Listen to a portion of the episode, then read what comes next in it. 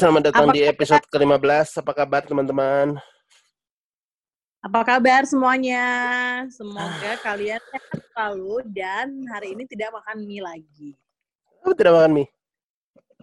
Ya biasanya soalnya gue ngeliat temen-temen gue sekarang lagi kayak doyan makan mie terus gitu loh. Oh, Oke. Indomie, mie sedap, semua jenis mie. Mie telur. Semua semua jenis mie. Tapi tapi mereka soalnya mereka ada yang bilang gini, kenapa mereka jauh lebih sering makan mie sekarang daripada pas sebelum pandemi karena mereka kan pengen renang tuh. Kalau renang kan bekalnya mie tuh. Heeh. Nah, untuk membalaskan kerinduan mereka pengen berenang, maka mereka memperbaiki biar ambience rasa bawa bekal seperti lagi mau berenang itu tuh ada. Jadi eh, mie-nya dibekelin, terus harus sampai benar-benar menyatu satu sama lain, Apa yang nggak bisa dilepasin? sampai nggak bisa dilepasin, jadi kayak batu bata tapi dari mie.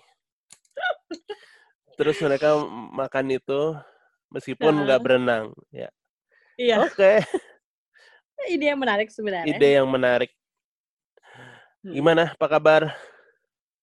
Kabar gue baik dan cukup Eh, senang. Eh, lu kesulitan nggak? Kan per 1 Juli kemarin ini, apa namanya? Ada kantong plastik. Tidak ada kantong plastik sama sekali. Jadi, Itu sampai, itu sampai ke pasar apa? maksudnya? Nggak tahu gue. Kan gue gue sih karena di Bekasi ya, Oh, jadi nggak nggak nggak terimpact ya? nggak nggak terlalu terimpact. Cuman gue belajar tidak menggunakan plastik lagi itu semenjak gue nggak sengaja pulang ke Bali waktu itu dan di Bali waktu itu tuh ada pelarangan penggunaan plastik kan sampai ke pasar. Akhirnya gue bingung kelabakan untuk gue ke pasar gue udah belanja nih tiba-tiba nggak ada plastik terus gue bingung. Dari situ gue mulai belajar akhirnya secara alam bawah sadar tuh ke mana-mana pasti bawa tas gitu loh kok tas kecil. Oke. Eh, BTW dia Sasti dan gua Koko bagi yang belum bagi yang ngikutin langsung ke episode 15 Ah, dan bagian belum tiba-tiba kenal kami.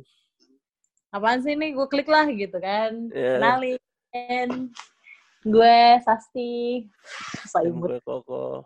Jadi kita di sini biasa bercerita tentang apa pun lah ya. Kejadian-kejadian di masa lalu. Ya iya di masa lalu.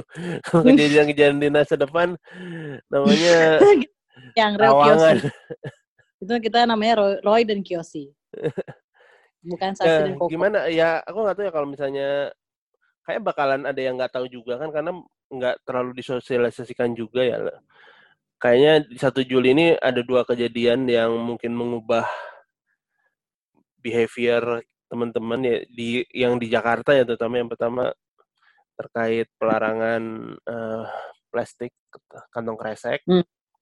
Hmm, dan satu lagi PSBB eh, diperpanjang. Enggak, PSBB ya diperpanjang iya. Dan juga apa kartu kredit kayaknya harus pakai PIN.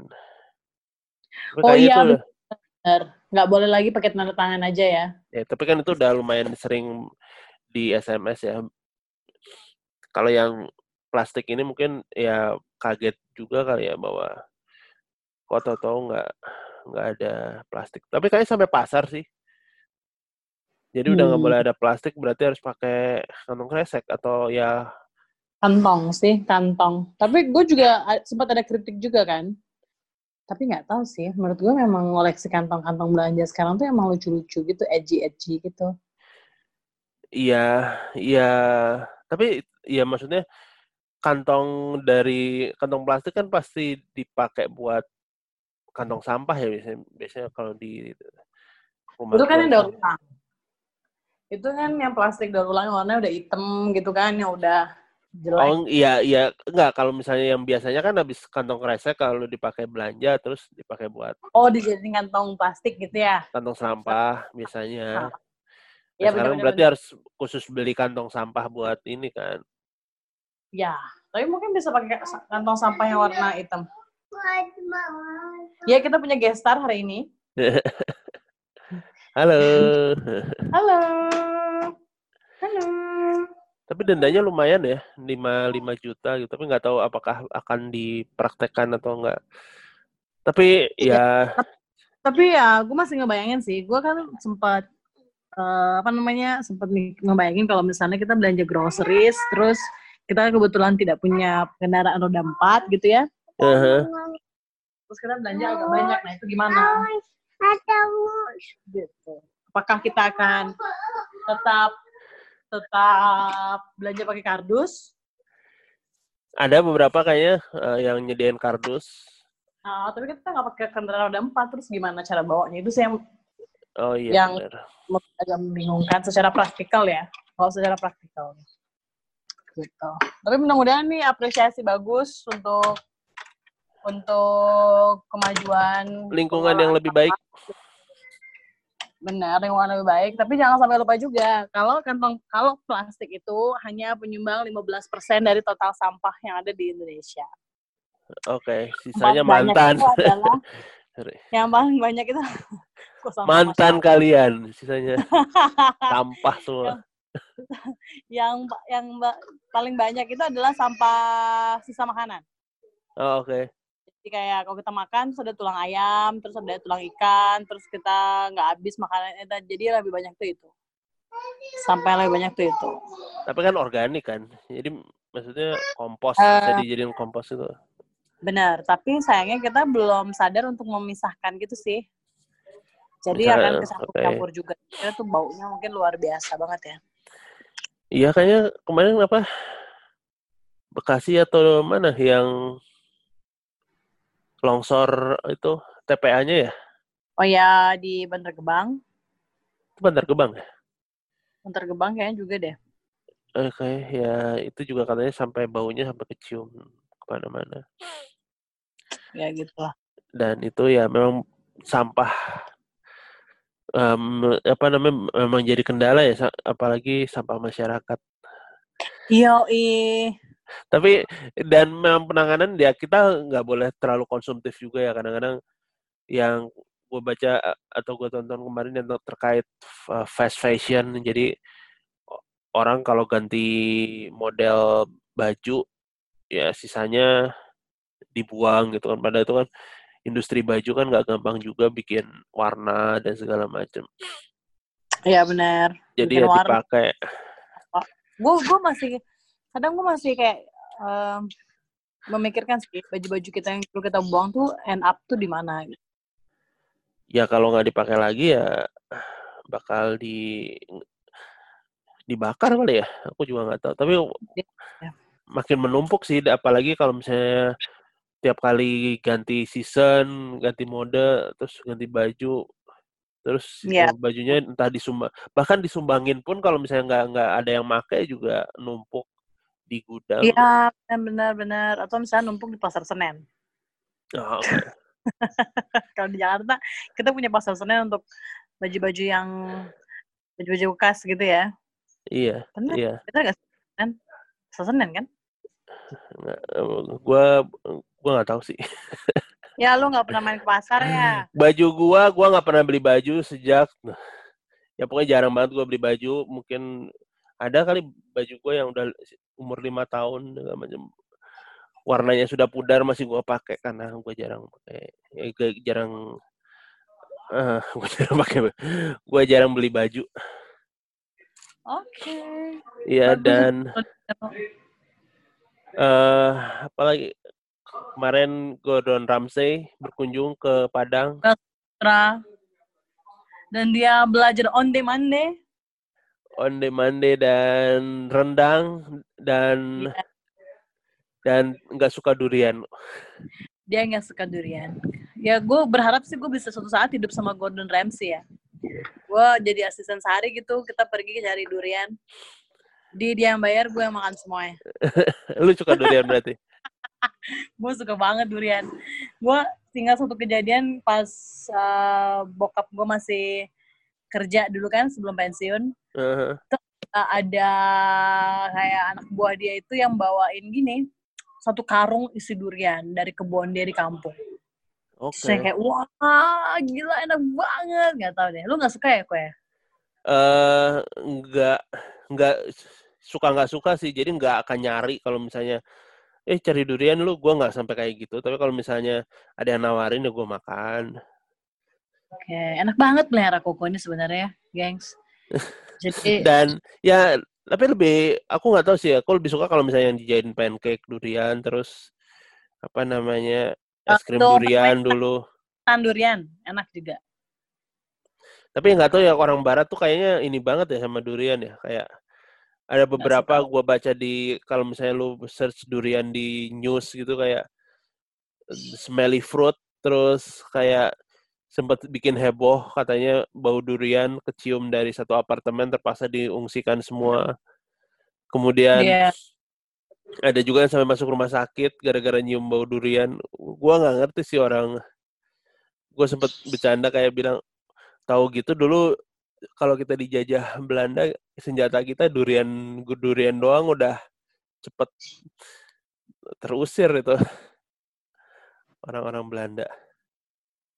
Iya, mudah-mudahan kita selalu diberikan kemampuan untuk makan durian karena itu malam buah yang enak banget. Tapi temen gue ada kan kayak ada ada pengaruh kesehatannya juga nggak sih durian mengandung apa gitu? Kolesterol, Kolesterol ya. kolesterol. Nah itu katanya temen gue katanya udah diperingatin apa namanya sama dokter nggak boleh makan durian lagi. Tapi dia suka Iya. banget durian kan. Jadi dia suatu hari eh, beli durian dan apa namanya kayak dia dia makan durian terus sampai nek. Jadi dia nggak nggak suka durian lagi gitu. Karena mungkin ya bener kak. eh, ini ini gue ingat banget waktu kejadian diri gue sendiri ketika ke dokter kan gue tanya gue boleh nggak sih makan seafood kan gue alergi ya Aha. terus dokter bilang "Eh, kita tuh boleh makan apa aja sebenarnya jangan berlebihan gitu jadi kunci Oke. dari hidup itu makannya apa aja boleh tapi nggak usah berlebihan. Karena yang berlebihan itu yang biasanya bikin kita tuh jadi sakit. Kayak mungkin terlalu kalau suka durian terlalu. Ya makannya nggak bisa cuma sedikit tapi harus satu karung kayak gue gitu kan. Misalnya. Ngabisin satu karung itu lu doang. enggak satu keluarga sih berlima. Ya ya itu. Tapi ya nggak tahu ya makanya kayak gue kan ada beberapa orang yang gue suka banget nih durian tiap kali ada harus nyari durian segala macem ya. Ya maksudnya nggak nggak gue nggak sampai sebegitunya sih tapi ya kalau misalnya orang ada yang tergila-gila durian ya mungkin jadi kayak tiap kali ada durian tiap kali berkunjung ke mana Medan mungkin harus nyari durian ucok segala macem. Buat terus dibekelin juga kan. Kalau nggak salah gue nggak tahu bener apa enggak katanya ada yang pesawat jatuh cuma gara-gara ngangkut durian entahlah Emang lebay banget dah. Tapi PTW soal durian tuh kan baunya smelly banget kan. Iya. Sama kayak orang yang terlalu banyak ngomong, terlalu vokal tuh pasti akan menimbulkan riak-riak ke orang sekitarnya. oh, oke Ya nggak sih? Iya. Nah ini ber- berhubungan nggak sih sama cerita kita di minggu ini kok? eh ya kita eh mungkin orang-orang kenal ya eh, apa namanya karena beliau apa namanya eh di ada di duit 20 ribuan Pak Hmm. Pak Oto Iskandar Dinata ini atau sering disebutnya sama teman-temannya si Jalak Harupat. Mungkin gue juga dulu pernah belajar tentang beliau, tapi mungkin sekilas aja ya, karena kan beliau kayaknya nggak angkat senjata, jadi dia lebih ke orasi Pemikiran. terus Hmm. apa namanya negosi apa birokrasi dia di- apa namanya negosiasi kemudian ngob- ngomong sama di pihak dengan pihak Belanda kali ya. Jadi dia itu dan jarang karena kalau misalnya yang di sejarah kalau misalnya sejarah aja kan kadang-kadang orang bosen ya. Apalagi tapi kalau udah nggak ada perang cuma ngobrol doang jadi ya makin mungkin makin dilewat aja ya tapi ternyata eh, perjalanan hidup beliau lumayan menarik. Eh tapi btw yang kemarin ada orang yang ngomong-ngomong soal tokoh dan itu yang kayak kemarin juga netizen Indonesia kan kayak ada yang nggak setuju juga bahwa yang ketemu Gordon Ramsay adalah William Wongso ya. Ya, karena mereka tuh nggak karena William Wongso kan kalau chef William Wongso kok di Indonesia sendiri emang jarang ada programnya ya. Maksudnya ya? acara TV-nya. acara TV-nya yang lebih terkenal kan kayak Chef Juna, terus siapa namanya Chef Rudi Koirudin kan dulu ada. ah, Rudi Korudin Hmm. sama Siska Suitomo kan. Iya. Tapi ternyata si William Wongso ini kan emang terkenal emang di luar negeri kan, yang sering banget bawain makanan Indonesia untuk tur ke luar negeri kan. Iya, dan ya ya aku juga nggak nggak terlalu masalah ya mau mau William Wongso atau siapa pun yang eh, apa namanya yang nem- nemenin beliau memasak terus terkait rendang itu ya apa namanya ya ya yang penting Indonesia terkenal gitu di acaranya Uncharted-nya Gordon Ramsay. Mm tapi orang nggak ya aku nggak tahu ya kayaknya nggak menganggap William Wongso itu bahkan kurang terkenal di Indonesia sendiri gitu ya nggak sih Iya, eh, nyinyir-nyinyir yang kayak gitu sih sebenarnya yang ya agak agak disayangin ya, padahal ya padahal menyenangkan kalau kita punya representasi Indonesia kan. Iya. Tapi entah lah kenapa kita punya semangat Davide et Impera itu tinggi banget. Terus Semangat katanya juga ada yang ada yang nyinyir karena bilang bahwa yang dimasak eh, Gordon Ramsay dan William Wongso itu bukan bukan rendang. tapi Ya jadi ya aku nggak tahu ya karena rendang katanya harus 8 jam terus sampai harus kehitaman gitu. Aku juga baru tahu sih kalau yang orang bilang bahwa rendang itu yang disebut rendang itu ya harus dimasak 8 jam sampai hitam sampai oh ya gue pernah makan rendang yang asli dari Padang gitu di acara nikahan temen gue dulu. Dan Eh. rendangnya warnanya hitam dan rasanya tuh nggak kayak rendang yang ada di nasi Padang. oh oke. Jadi beda banget dan pedes banget. Jadi orang hitam terus bumbunya tuh nggak kalau di nasi padang kan bumbunya tuh kuning kuning terus kayak ada minyaknya gitu kan. Iya ya Tapi kalau di sana tuh bener-bener bumbunya tuh bisa lu pegang terus kayak eh coklat. Coklatan ya? warnanya hitam Oh oke. dan apa namanya kayak bubuk gitu jadinya. Dan ya gua gua ngelihat gua belum ngelihat eh Gordon Ramsay ini tapi tiap kali dia ngucapin reng deng reng deng Rendeng. Rendeng. tapi ya lucu juga Lucu maksudnya sih orang bu- Ramsay. orang bule terus kan dia kat ya gua nggak tahu sebenarnya dia perlu atau enggak yang ikut apa namanya kayak karapan sapi gitu ya Iya dia bener-bener menjiwai kayak dia kayak seneng banget ada di sini ya. Gue ngeliatnya sih gitu. Sampai dia bilang dia kayak orang stupid gitu kan dia sempat ngomong gitu kan. iya. Gua nggak tahu Karena- dia pernah ngomong gitu? Di Iya, kayak waktu habis main karapan sapi itu. oh iya iya sih ya, maksudnya ya gua juga belum tentu mau kotor-kotoran gitu kan. Tapi dia Iya, ya katanya demi mendapatkan daging terbaik ya gue juga nggak tahu itu gimmick atau apa. Tapi ya dia bisa gitu bertahan beberapa meter di naik Atau- karapan sapi itu kan Iya. ya itu sih Gordon Ramsay memang berdedikasi terhadap apa Profesinya. namanya acara acaranya itu Nah itu yang harusnya dicari orang-orang yang berdedikasi begitu kayak kita Ya. nih di podcast dunia dalam cerita. cerita dan juga ya tokoh kita yang mau kita omongin sekarang juga berdedikasi terhadap nah, apa namanya Re- Republik Indonesia ya Benar. Bapak Otto Iskandar Dinata ini yang eh, seperti gue bilang tadi dikenal sebagai jarak harupat. Jadi mm, kalau misalnya gue dapat kemarin kita jadi ngomong sumber kayaknya apa namanya episode kemarin kita lupa ny- nyebutin sumbernya Iya. Baby Jessica ya. Mungkin Mm-mm. eh, lu sebutin aja sumbernya. Kemarin itu cerita Bibi Jessica, kita ambil dari Google, kita browsing dengan sumbernya adalah dari uh, jetrosforyou.com.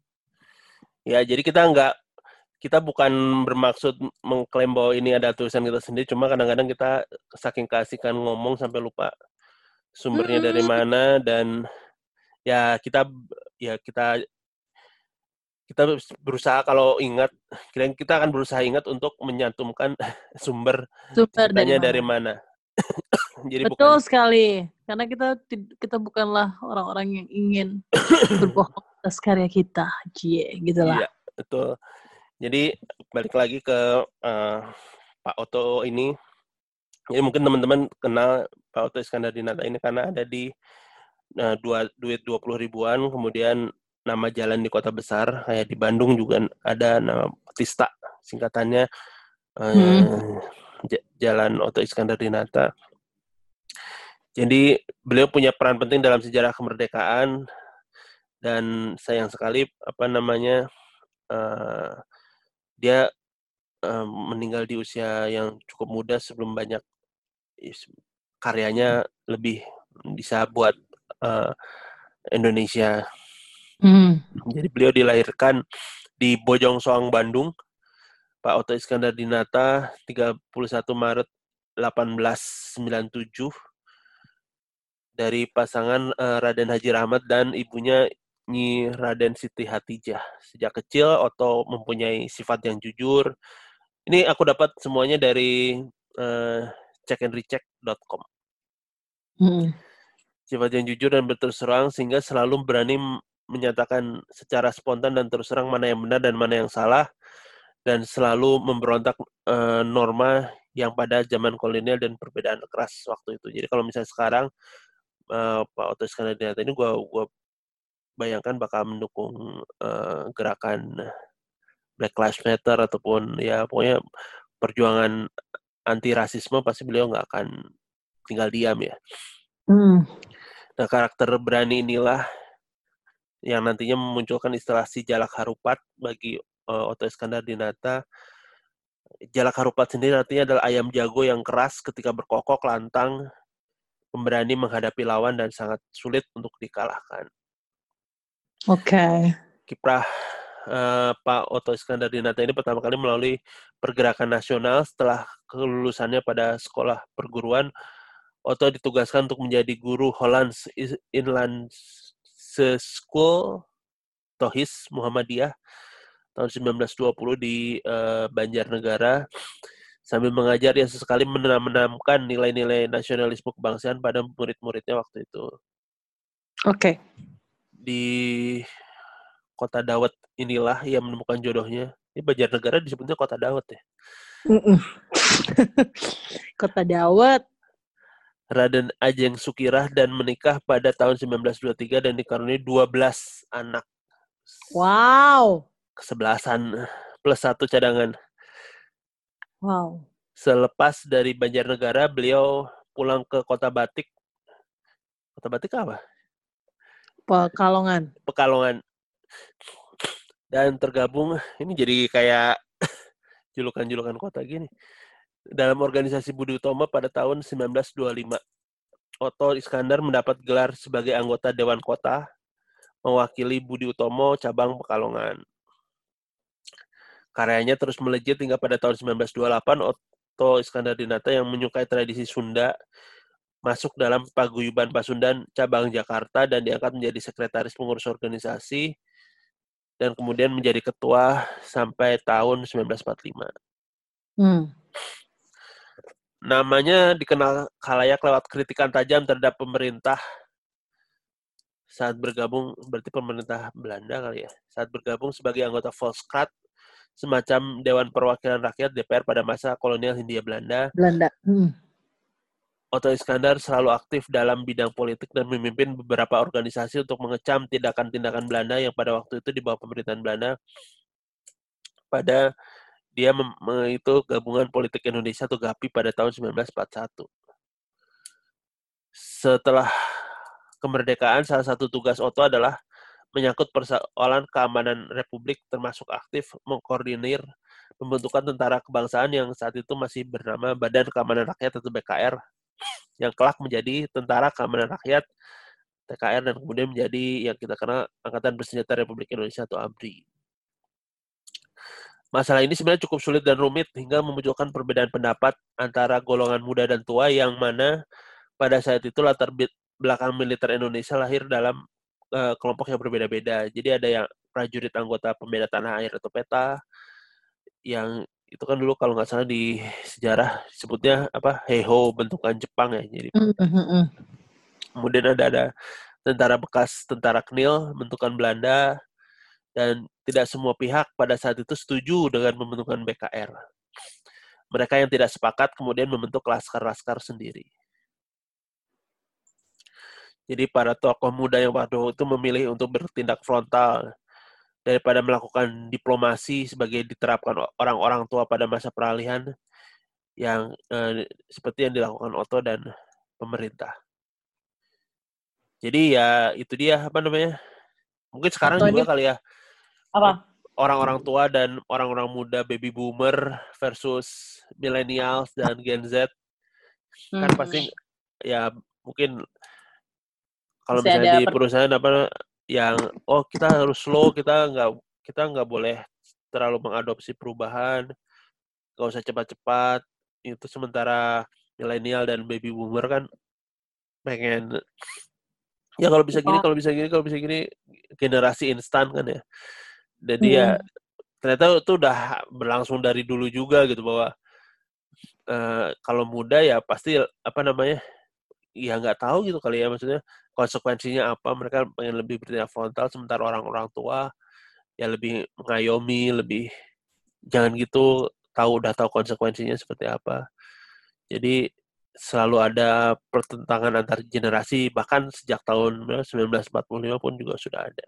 Hmm, selalu lah itu ya pasti selalu di mana-mana kayaknya. Zamannya Aristoteles juga sudah mulai tuh uh, dia juga bingung tentang kenapa anak muda pada saat itu sangat berbeda dengan kaum yang lebih tua gitu. Jadi memang sudah sejak lama. Iya. Itu dan ya karena pertentangan inilah uh, apa namanya di pada apa namanya karena inilah penyebab kematian apa Otto Iskandar Dinata itu ditenggarai gara-gara ada pertentangan apa namanya uh, antara generasi ya pokoknya ya, banyak oh. tentara apalagi tentara kan maksudnya ya banyak yang nggak setuju juga mungkin dengan pendapatnya Pak uh, Oto Iskandar Dinata ini jadi Betul. Apa namanya? Karena kalau nggak salah karena cerit karena karena pembunuhan juga kan ya di Banten ya. Apa?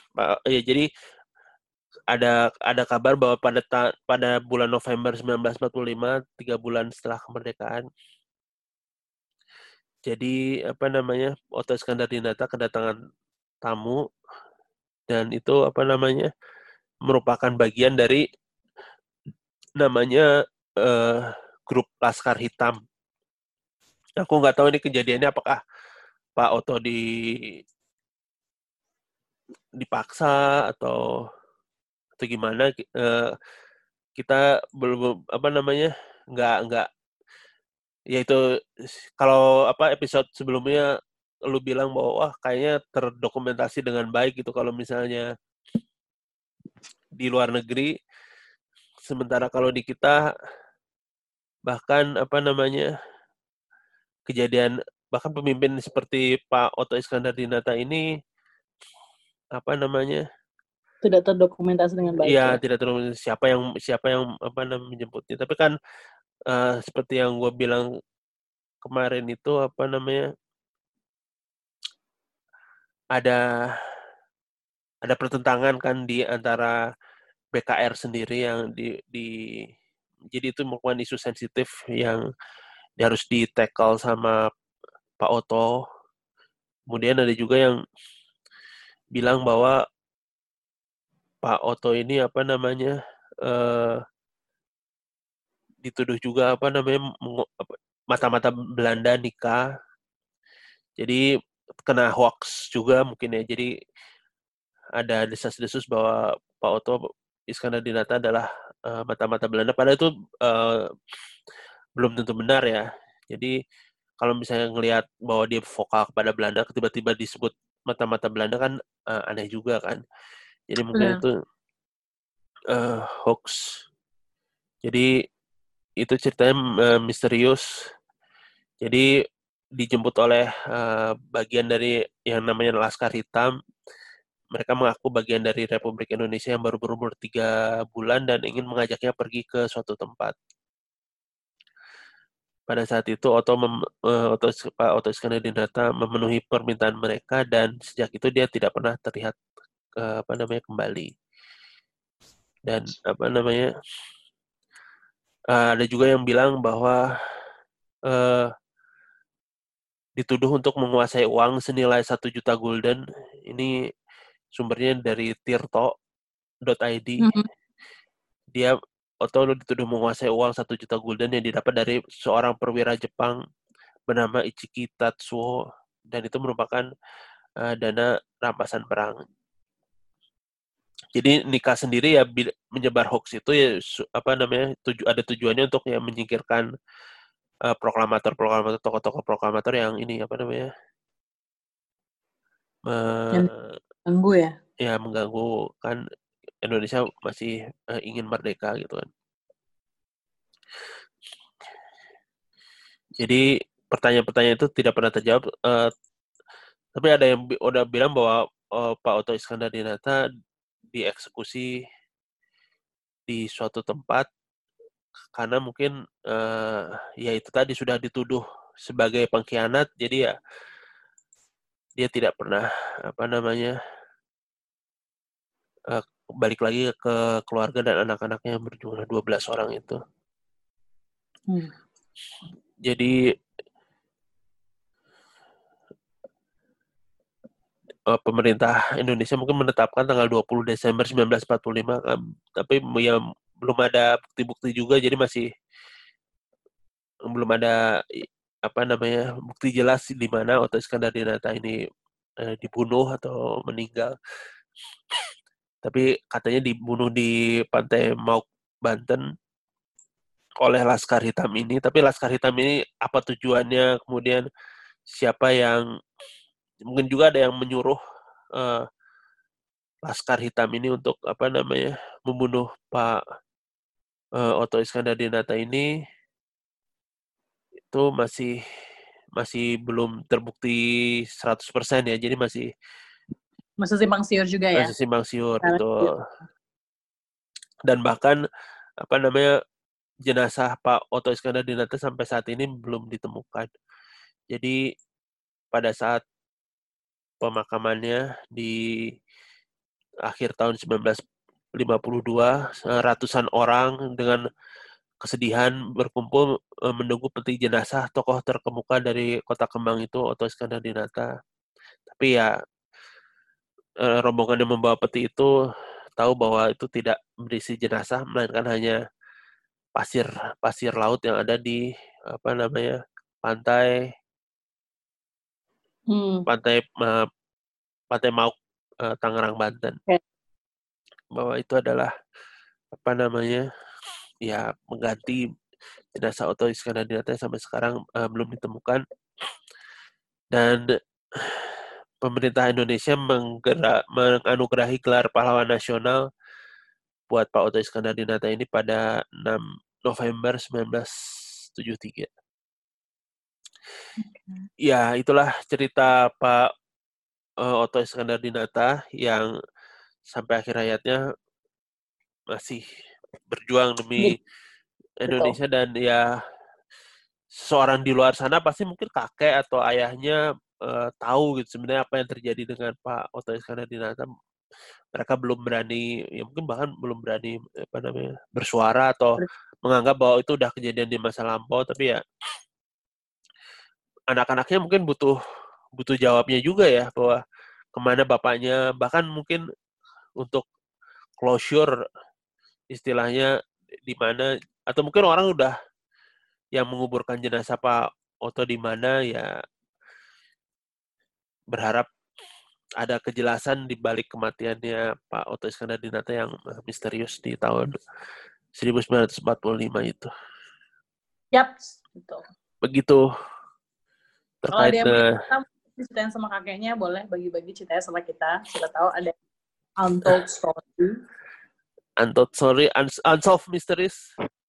Atau Unsolved Mysteries gitu kan. Cerita Netflix yang lo... Lu udah sampai episode episode berapa berarti? Uh, sekarang episode 3 lah. Ah, oke. Okay.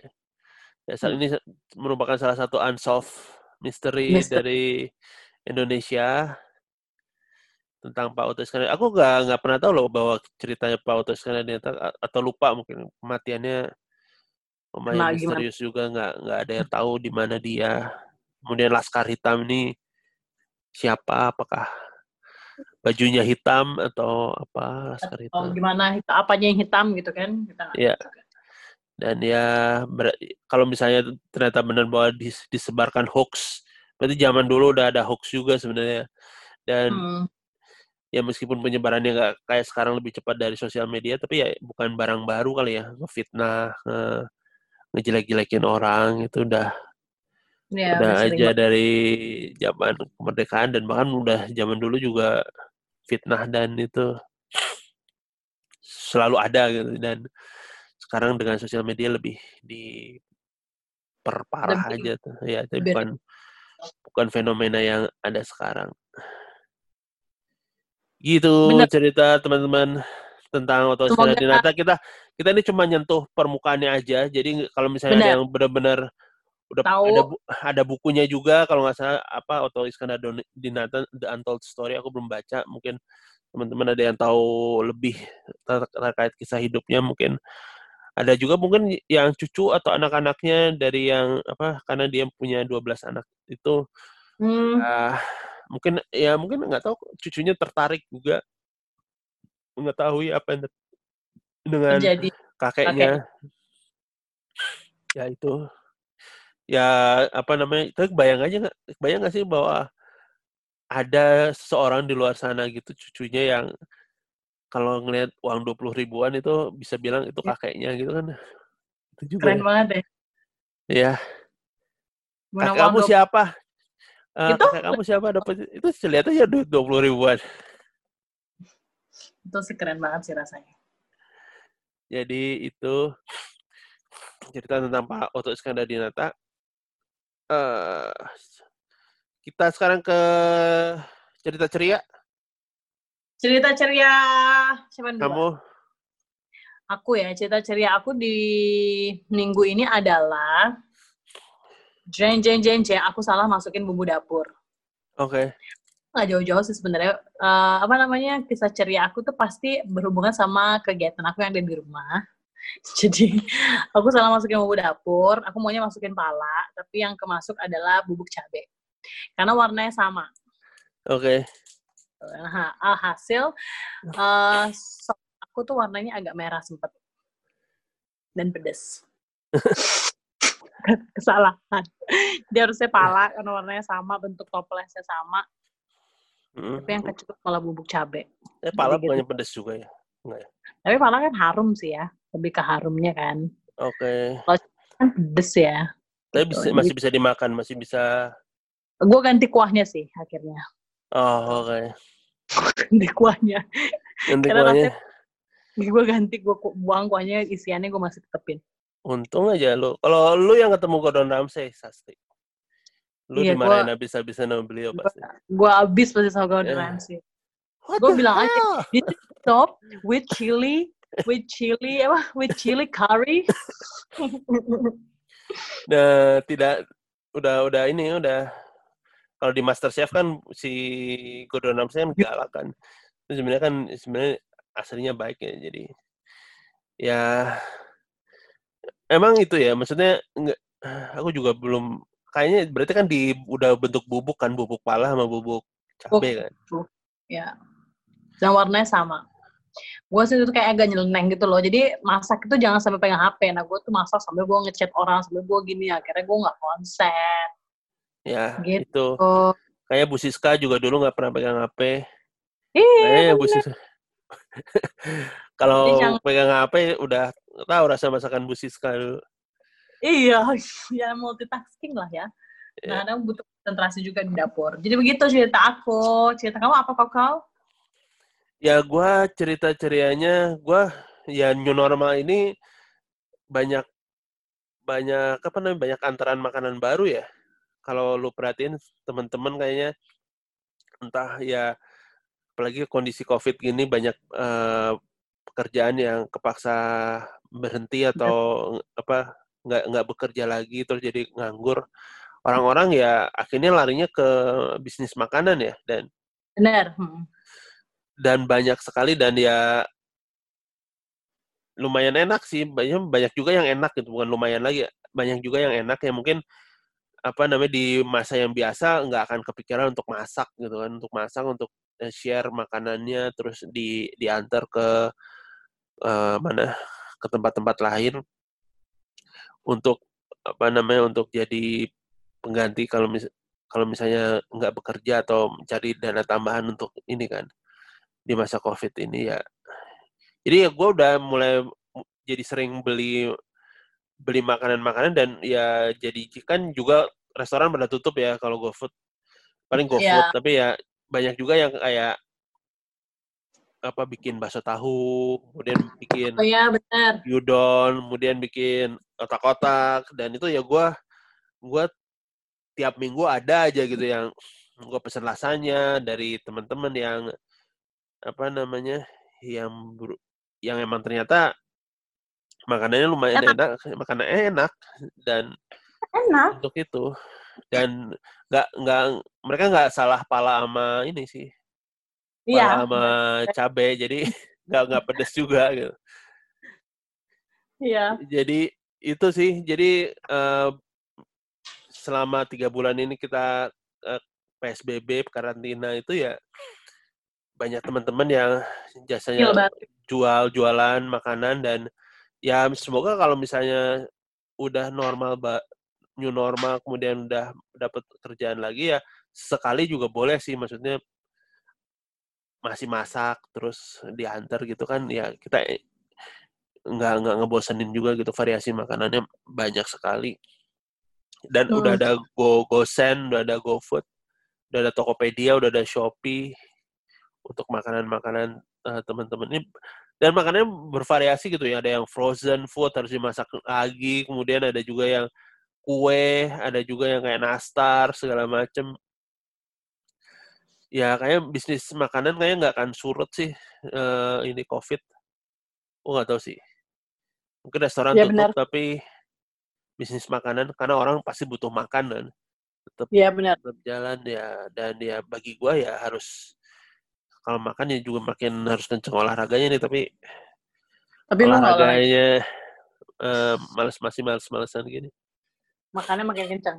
Makannya makin kenceng ngicip karena ya itu dan itu kayak episode ini syarat dengan makanan ya kita ngomongin Gordon Ramsay jadi itu cerita ceria gue dan ya gue berharap yang gue pesenin makanan kemarin uh, ya tetap tetap makan. uh, dibagi-bagi bukan dibagi-bagi makanannya maksudnya ya tetap ma tetap masak dijual karena ya butuh gitu. Makanan tuh salah satu yang bisa bikin ceria dalam waktu singkat yang kayak makanan ya, makanan makanan nggak akan pernah nyakitin hati lu gitu kan kesannya nggak kayak orang gitu pokoknya kalau kita kalau makanan enak pasti bakalan bikin hati lu seneng setiap saat. Ya benar. Kalau lo butuh inspirasi soal makanan dan kenangan, kalau lagi langganan Netflix, coba nonton video apa judulnya ya? Gue lupa, astaga.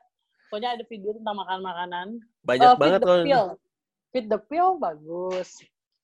Terus ada ada satu video gue lupa apa, ntar kita coba tulis di deskripsi ini dah atau di tweet gue nanti ke pas nge-retweet promosi ini dia satu ada satu tayangan di Netflix soal restoran Jepang gitu yang bukanya itu di jam 12 malam sampai jam 7 pagi. Dan dan dia tuh nggak punya menu. Oke. Okay. Dia akan memasakkan makanan yang diminta sama uh, pelanggannya. Oh. Dan masakan masakan itu biasanya pasti ada hubungannya sama hal-hal manis, misalnya yang sering dimasak sama mamahnya atau yang dia makan pertama kali sama cowok yang dia suka gitu. Ya. Yeah Kayaknya gue pernah dengar apa midnight dinner ya apa gitu gitu ya. Ah iya benar. Tuh ya. kali midnight dinner judulnya. Ya, ya itu kalau misalnya itu uh, dan ya seperti gue bilang tadi terus terus masak aja kalau misalnya memang kayak di masa covid ini ya orang jadi punya banyak lebih banyak waktu dan bisa mengeksplorasi yang sebelum sebelumnya kayak harus kerja terus harus apa namanya uh, ke kantor perjalanan ke kantor. Karena kan Udah kalau perjalanan ke kantor kan, eh, pasti kalau perjalanan ke kantor nggak akan bisa masak kan. Nah, Sekarang ada waktu untuk masak kan. Iya, karena kalau di Jakarta perjalanan ke kantor bisa sampai tiga jam sendiri ya, atau dua jam lah ya. Bolak balik 4 jam gitu. Jadi lumayan lah di rumah gue kerot kue mateng gitu. yes. Jadi ya itulah. Oke, gitu cerita ceria kita. Sebenarnya kita pengen dengar cerita ceria teman-teman, tapi kita belum belum tahu gimana cara. Mengundang Eh, kalian bercerita. Apa kalian masih insecure kita? nanti kita sih. nanti kita pikirin deh, eh, mungkin apa gitu. Apa yang bisa kita lakukan untuk mengundang kamu cerita-cerita sama kita di cerita cerianya DJ. Oke. Ya, Terima kasih kalau- teman. Dadah, sampai episode berikutnya. Teruslah berkarya. Dan ceritakan terus duniamu. Bye-bye. Dadah.